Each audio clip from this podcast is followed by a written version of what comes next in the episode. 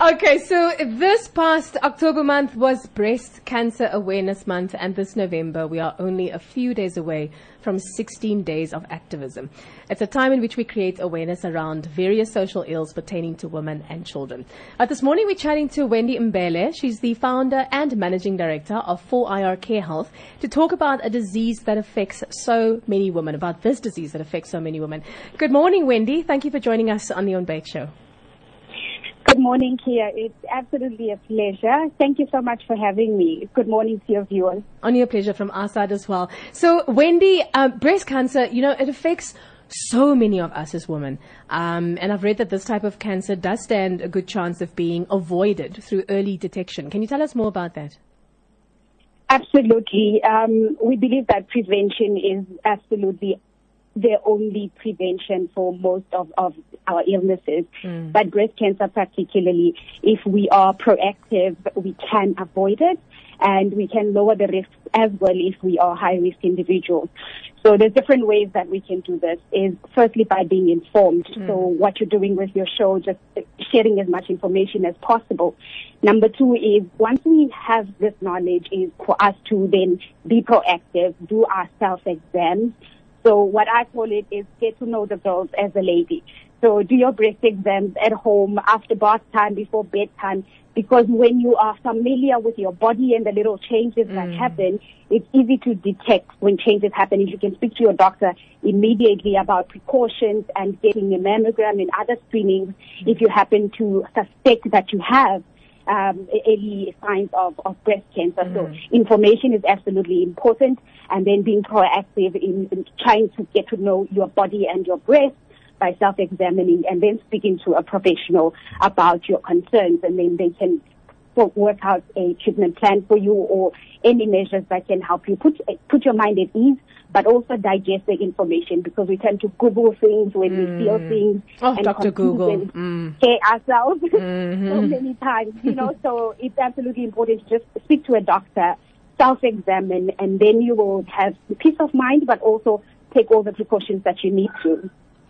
And uh, then, Wendy, uh, secondly, what does the, the research show us? Uh, just how many women get affected by this disease?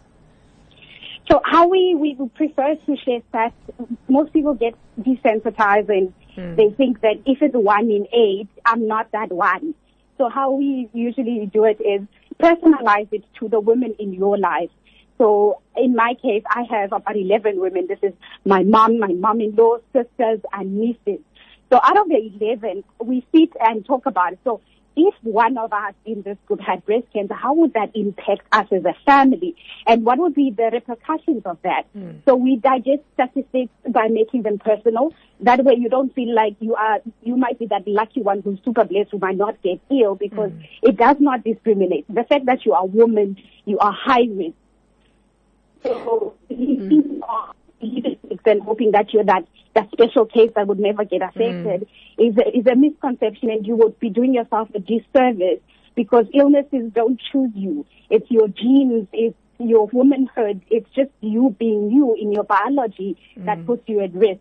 So it is very important that we, we yes, we share the stats. One in eight women would, would be uh, diagnosed with cancer. And it's one of the leading causes, um, the leading cancers that kill women for the world over. So it is very scary when you look at the numbers. Mm. But how you avoid being scared is just personalizing and taking it into this context. If me and my four sisters and my four colleagues are in the room, one of us could be diagnosed with breast cancer. Mm. How do we start educating one with one another? How do we start conversating and making sure we are our sisters keepers? Encourage you to go get yourself examined. Encourage you to do those regular self exams so that way we don't just read statistics and feel like, uh, you know, mm. it's sad, but it'll never be me. Mm. Let's, let's be a little bit more proactive. Let's be, let's take it personal because it is personal. It's attacking us at our core as women, just the mere fact that we have breasts, you yeah. know, so it's a very serious illness and it's, it's one that we can avoid by being active, by eating healthy, by doing these regular self exams. So just being more aware of yourself and preventing with the knowledge that you have and also seeking out education from credible sources, your doctors, your, your cancer associations. Those, those organizations will provide you with information. And also us, we have a team that specializes with women's health we are happy to, to inform you and connect with you on different topics and different illnesses that impact on, on women. So Amazing. information is absolutely important. Amazing, Wendy. Um, you know, you're just touching on something right now where you're talking about um, just personalizing it. I mean, myself, I had a friend of mine who, you know, had to go and have her checks done. It was quite intense. She's been my friend for over 25 years. So, mm-hmm. you know, she's part, she's practically part of my family. So I consider her family. Um, my, my husband's aunt passed away about two years ago from, from yes. breast cancer. Um, and she actually showed us the, the, sc- the scarring and what had happened to her. And it, yeah, it was it was quite a sad time for us. She's my aunt as well because obviously when yes. you have your spouse, you know your spouse's family becomes your family. Um, yes. I also had my my own aunt um, who passed away many years ago, and she got three different types of cancers, of which breast cancer was the second one. Um, yes. And she went into remission, and um, so it is such a personal thing. I think that there are so many of us that, like you said, put yourself in that office space, and that whole one one in eight thing put yourself in the office space and realize that someone in your office could actually have that happen to them. So we need to be so cognizant of this and we need to, to just be mindful all the time. Wendy, thank you so much for joining us. Um, I feel like you've, you've given us so much great advice here. Um, and I think that's, that's what we need to take with us today. We appreciate your time. Thank you.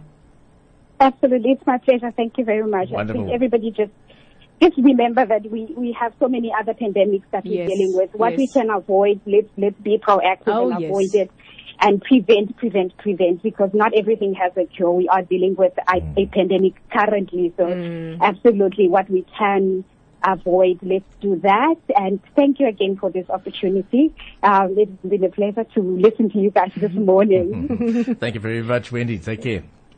All right. Bye. Okay, bye. bye.